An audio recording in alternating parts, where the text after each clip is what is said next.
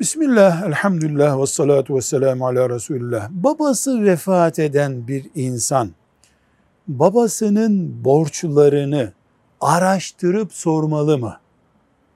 Ödemek için.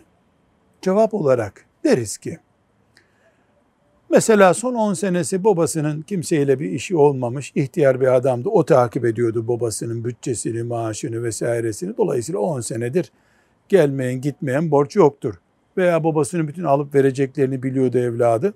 Mesele yok. Ama babası işte insanların ifadesiyle genç yaşta öldü, beklenmedik bir ölümle öldü, ticaret yapıyordu.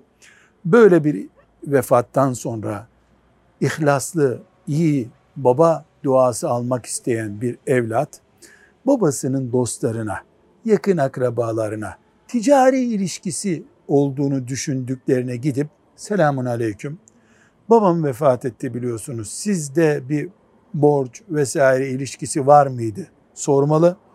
Bir belge getirip babanın imzası bana şu kadar borcu var diyene ödemelidir. Velhamdülillahi Rabbil Alemin.